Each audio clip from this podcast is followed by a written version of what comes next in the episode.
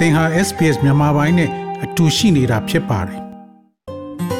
SBS မြန်မာပိုင်းကို အင်ကာနဲ့စနေနေ့ည10:00နာရီမှနားဆင်နိုင်တယ်လို့အွန်လိုင်းကနေလည်းအချိန်မီနားဆင်နိုင်ပါပြီ။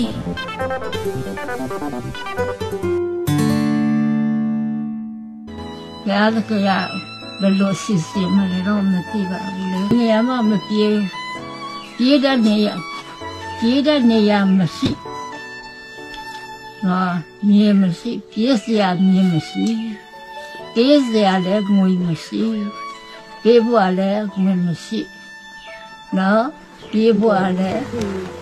နေရာမရှိတော့ဘူးစစ်ကောင်စီတပ်တွေကဒီမော့ဆိုမြို့နယ်တွေကိုအင်အားအများပြားနဲ့စစ်ကြောင်းထိုးလာတဲ့အတွက်အဖွားကိုတယောက်ကို KNDF ရဲဘော်တွေကတွားရောက်ကဲထုတ်ခြင်းအဖွားရဲ့တုံ့ပြန်သံမှာ လက်ရှိကာလမှာအာနာသိန်းစစ်ကောင်စီတပ်တွေနဲ့တော်လန်ရေးအင်အားစုလက်နက်ကိုင်အဖွဲ့အစည်းတွေကြားတိုက်ပွဲတွေပိုပြင်းထန်လာနေပါတယ်စစ်တပ်ဟာအကြမ်းဖက်ထိုးစစ်ဆင်တာကိုတိုးလှုပ်ဆောင်လာသလိုတစ်ဖက်မှာလည်းအပြစ်မဲ့ပြည်သူတွေရက်ရွာနေအိမ်တွေကိုပြစ်မှတ်ချတိုက်ခိုက်လာတာကြောင့်တိန့်ဆောင်နေရင်ကနေကိုပြေးစရာနေရာမရှိတော့တဲ့အခြေအနေကိုစစ်ရှောင်းတွေကြုံတွေ့နေကြရပါတယ်။ အဖွားနေထိုင်ရာကရင်နီပြည်နယ်အတွင်းမှာတော့အခုနှစ်ကစပြီးတကြော့ပြန်တိုက်ပွဲတွေပြင်းထန်လာခဲ့တာပါ။ဇန်နဝါရီလအတွင်းကနှစ်ပတ်လောက်ကြာခဲ့တဲ့လွိုက်ကော်မြို့ဘက်ကတိုက်ပွဲတွေဖေဖော်ဝါရီ16ရက်ကနေအခုမတ်လတဲ့ကူလာတဲ့မိုးပြဲကနေနမ်းမေခုံဒီမော့ဆိုတို့ဘက်အထိဆက်ဖြစ်လာနေတဲ့တိုက်ပွဲတွေကြောင့်စစ်ရှောင်းရေးအတွက်တွေတိုးပွားလာနေပါတယ်။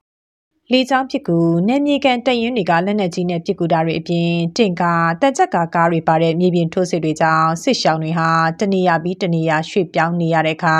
အခက်အခဲတွေပိုရင်ဆိုင်နေရတယ်လို့ကရီနီစစ်ဘေးရှောင်းရေးကူညီနေသူတူကပြောပါတယ်။ရှင်နေရတော့ဟိုဒီလေကြောင်းပေါ့လေလေကြောင်းရတာကြီးခက်မကြောက်ဘူးနော်အကလုံးတွေပြန်ရှေ့ရတယ်အရင်ကကျွန်တော်တို့ခြေချခိုင်းနေရတယ်နော်စီပြီးဆောင်ခံနေနောက်တစ်ဆင့်ကိုပြန်ရွှေ့ပြန်ရွှေ့နေရတယ်ပေါ့နော် အခက်ခဲအမှု အကလုံးရှိတယ်ကြာအရင်ကတော့ ကျွန်တော်တို့စီပြီးဆောင်ခံမှာ အဲ့လိုစီပြီးခံလည်း ဖွင့်နိုင်ပြီးပြီးတော့ တခြားဒီထိုင်းနေရတယ်ပေါ့နော်ဒီတော်နေရကျွန်တော်လုပ်နိုင်ပြီ ဒါပေမဲ့ အခုကျတော့ အဲ့ဒါတွေ အကုန်လုံး ပြန်ချုပ်ပြန်ရှင်းမနေအပြည့်သွားနေရတော့ အခက်ခဲအစတွေပြန်လုပ်နေရတယ်ပေါ့နော်ဦးရေတိုင်းတိုင်းကျော်တိုင်းခွန်တောင်းလို့ရှိရင်အကုန်လုံးဆို အကေအခုက ရှမ်းပြည်နယ်ရောက်တဲ့စိချောင်တွေလည်း ရှိတယ် တခြားနေရာရောက်စိချောင်တွေရှိမှာနော် ဒီလကောလကောဝိခန့်လို့ပေါ့နော် အရင်နောက်နေစိုက်မပူတူတာပေါ့ပြီးတော့ဒီဒီကြောင်းကလည်းညနေဝဲပြန်တော့ဘယ်ဒီဘက်ချင်းခတ်ဖြစ်မလဲကျွန်တော်တို့မခံမနိုင်ရအကြောင်းမို့လေအကြောင်းမို့တော့အခုပြည်နေမှာတော့အဲ့လိုလုံချင်နေရဆိုရတော့မရှိပါဘူး ပြီးခဲ့တဲ့မီလာကနေအခုချိန်ထိတိုက်ပွဲတွေပြင်းထန်နေတဲ့ကရင်နီပြည်နယ်မှာပြီးခဲ့တဲ့နှစ်ကစစ်ရှောင်းဥယေ8000ဝန်းကျင်ရှိရာကအခုနှစ်စကစပြီးပြန်လည်ဖြစ်ပွားတဲ့တိုက်ပွဲတွေကြောင့်ပြည်နယ်တွင်းစစ်ရှောင်း3,900နဲ့ရှမ်းတောင်ဘက်ကိုရောက်နေတဲ့စစ်ရှောင်းတွေပေါင်းရင်2သိန်းဝန်းကျင်အထိရှိနေပါတယ်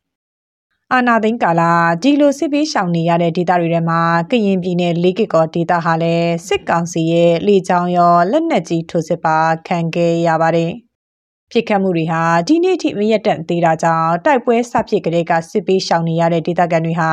ဘေးလွတ်ရာရှောင်ပြေးနေရတာ3လဝန်းကျင်ရှိခဲ့ပါပြီ။ တောင်းနဲ့ချီနေတဲ့ဒေသခံစစ်ပေးရှောင်တွေဟာတောင်ရင်မြစ်အနီးကတောင်ပြင်တွေကိုင်းတော်တွေနဲ့တစ်ဖက်ကမ်းကမွေးမြူရေးခြံတွေကိုအကြိမ်ကြိမ်ပြောင်းရွှေ့တိတ်ရှောင်ခဲ့ရပါတယ်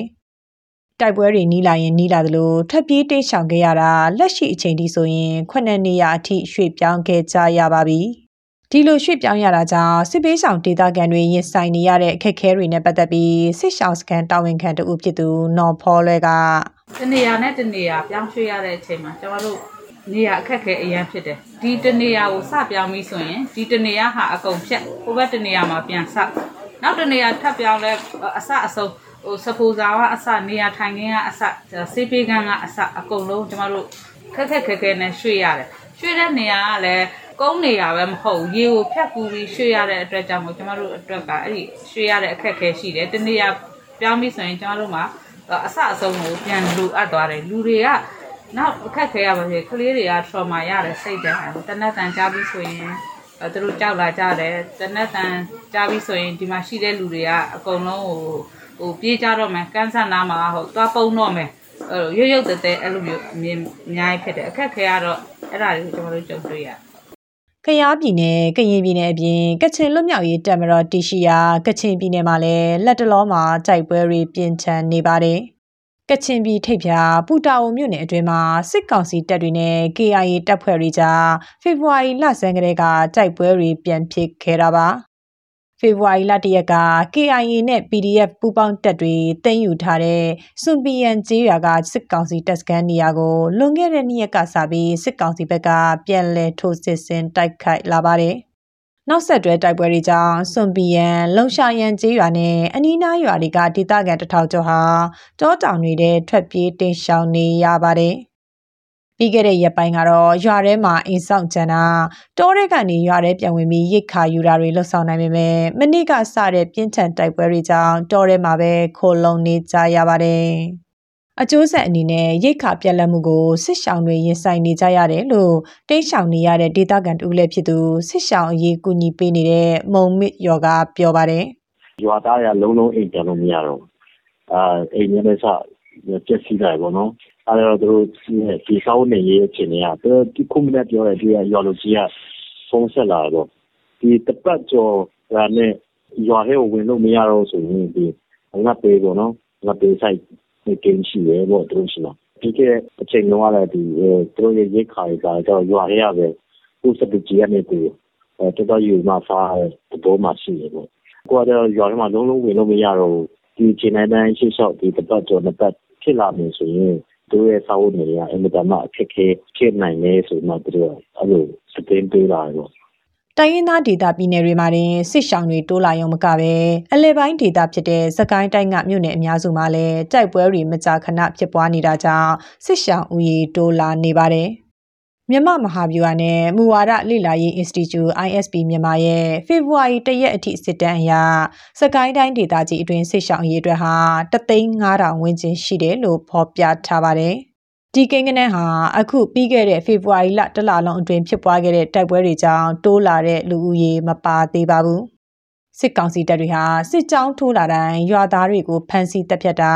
လူသားတိုင်းအဖြစ်လှုပ်ဆောင်တာတွေနဲ့ကျေးရွာတွေကိုမိရှုဖျက်ဆီးတဲ့လုပ်ရက်တွေကြောင့်နေအိမ်စွန့်ခွာထွက်ပြေးတိမ်းရှောင်နေရတဲ့စစ်ရှောင်တွေဟာမြို့နယ်တိုင်းမှာထောင်ချီရှိနေကြတာပါ။စစ်ရှောင်အရေးကူညီနေသူတွေအတွက်တော့စစ်ပေးရှောင်တွေအတွက်လက်တလောမှာအစားအသောက်အဆင်ပြေရေးအသေးစားကူညီမှုတွေကိုသာလှုပ်ဆောင်နိုင်သေးတယ်လို့ဆိုကြပါတယ်။ဒီပန်းရင်မြို့နယ်စစ်ပေးရှောင်အရေးကူညီပေးနေသူတူက အဓိကတော့ သူတို့လာပြီဆိုတာနဲ့ သူတို့နီးတဲ့ရွာတွေပြီးတယ် ပြီးတဲ့ခါမှာသူတို့ကူညီရေးအဖွဲ့တွေကတော့ စုံစမ်းရတယ် ဒါမှမဟုတ် လက်ခံထားတဲ့ရွာတွေကလည်းလမ်းကြောင်းကြားတယ်ပေါ့ဗျာ သူတို့စီမှာတော့ အင်အား200ရှိတယ်300ရှိတယ်ပေါ့နော် အဲကြတော့ အဲ့လို တစုတစည်းထဲမှာ စုပြီးတော့နေတဲ့လူတွေကို စားတော့ဖို့ပေါ့ဗျာအဲအကုန်လုံး ရွာကနေပြီးတော့ ရွာကနေရနေပြီးတော့ ချက်တို့ပြီးတာရှိတယ်ဗျ သူတို့အင်အားများတဲ့ခါမှာဆိုရင်တော့ နည်းနည်းစားတော့ကအခက်ခဲတာပေါ့ဗျာဟိုရက်တူတော့ ရက်တူပဲပေါ့ဗျာ သူတို့လာရင်ကြီးရတယ် သူတို့ပြန်လာလို့ဒီပြန်ကြရတယ် တခါတလေလည်း2ရက်3ရက်လောက် ကြာလာလို့ရှိတယ်ပေါ့ အဲ့လိုရှိတဲ့ချိန်တွေဆိုတော့ ဆန်ဆိုတာတော့ ထားပါတယ်ပဲကျေးဇူးမျိုးနေမှာက ဆန်စဘာထွက်တာဆိုတော့ ဆန်တော့တိတ်ဘယ်လိုမပြောကြဘူးထိချက်စီရအောင်ပေါ့ဗျာဆန်နိုင်နေတာကုန်စင်းရနိုင်နေတာကိုလည်းကျုပ်ဝယ်တယ်အတခြားတော့ မပါဘူးပေါ့ဗျာ ကုန်စင်းကိုကျုပ်ဦးတယ်နောက် မုံတုံးတွေ ဝယ်တယ် တချို့နေရာကျတော့ ချက်ပြုတ်ဖို့ အခက်အခဲရှိတယ်ဟိုတိုးတဲ့တိုးတဲ့တို့မဟုတ် လမ်းပေါ်တို့ အဲ့လိုရှောင်နေတဲ့ လူမျိုးတွေရှိရင်လည်း ပေးနိုင်ဖို့တော့ဘာလို့ရန်နေစားလို့ရတဲ့ မုံတုံးတွေတည်သွားတာမျိုး ရှိတယ်ပေါ့ကိုယ်ဆို သူတို့နေမှာမိရှုခံတာ တော်တော်ချင်းချင်းဆိုတာက သူတို့တိုင်ဆိုင်တဲ့ တောတူတောင်သားဆိုတော့စကားလေးတွေပါလေးတွေ တိုင်တာဆိုစကားပုံကြီးကစ ဗရိုက်ဒီယာစာကုန်ချို့တာဆိုတော့မိချိုခံရတယ်ဆိုတဲ့ အိမ်ကြီးကတော့ တော်တော်ချင်းချင်းဆိုရတယ်ဆိုတော့သူတို့အပြန်လဲထူထောင်ကြီးရတော့ မြို့နေနေနဲ့ တော်တော်ခက်ခဲမယ်ပေါ့ဗျာ သူတို့ကြီးကြီးမားမား အကူအညီပေးနိုင်တဲ့ခြေနေမျိုး မရှိသေးဘူးဗျာသူတို့မျိုးနေမှာတော့ ပြန်လဲထူထောင်ဖို့အတွက် သူတို့ ကူညီပေးနိုင်တာမျိုး မရှိဘူးဝစားလေးတွေတော့ကူညီတာတို့ စားဖို့အတွက် ဆန်လေးတွေ သွားကူညီတာတို့ ငွေကြီးလေးနိုင်ငယ်တက်နိုင်မလောက် ကူညီတာတို့ ဒီလောက်ပဲရှိတယ်ဗျာ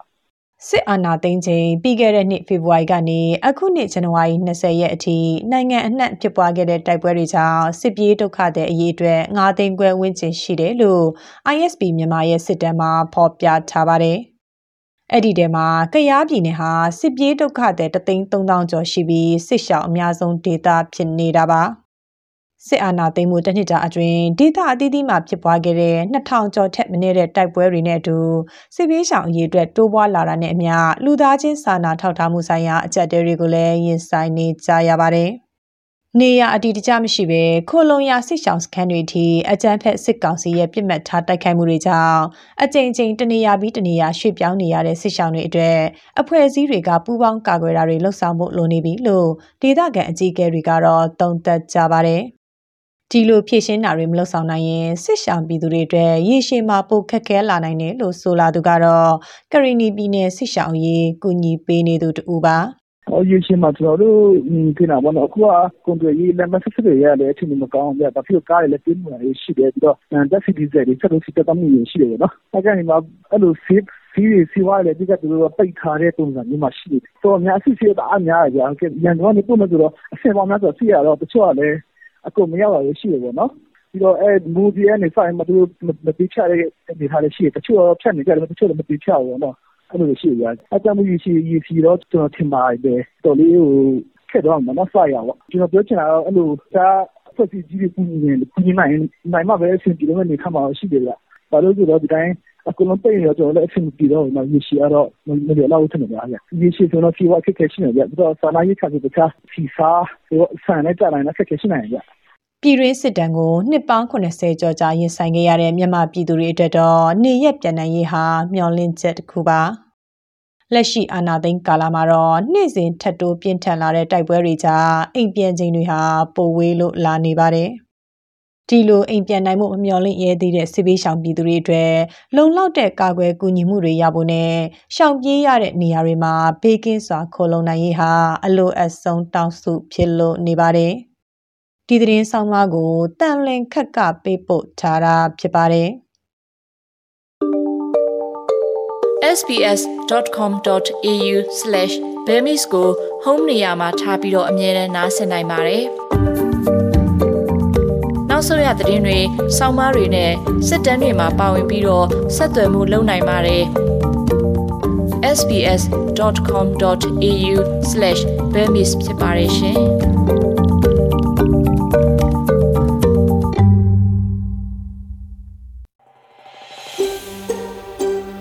ဒါမျိုးသတင်းဆောင်မတွေကိုပိုနားဆင်လိုပါလား Apple Podcast Google Podcast Spotify တို့မှာသင်ပင်ရာဖြစ်ဖြစ်ရယူတဲ့ podcast Karnika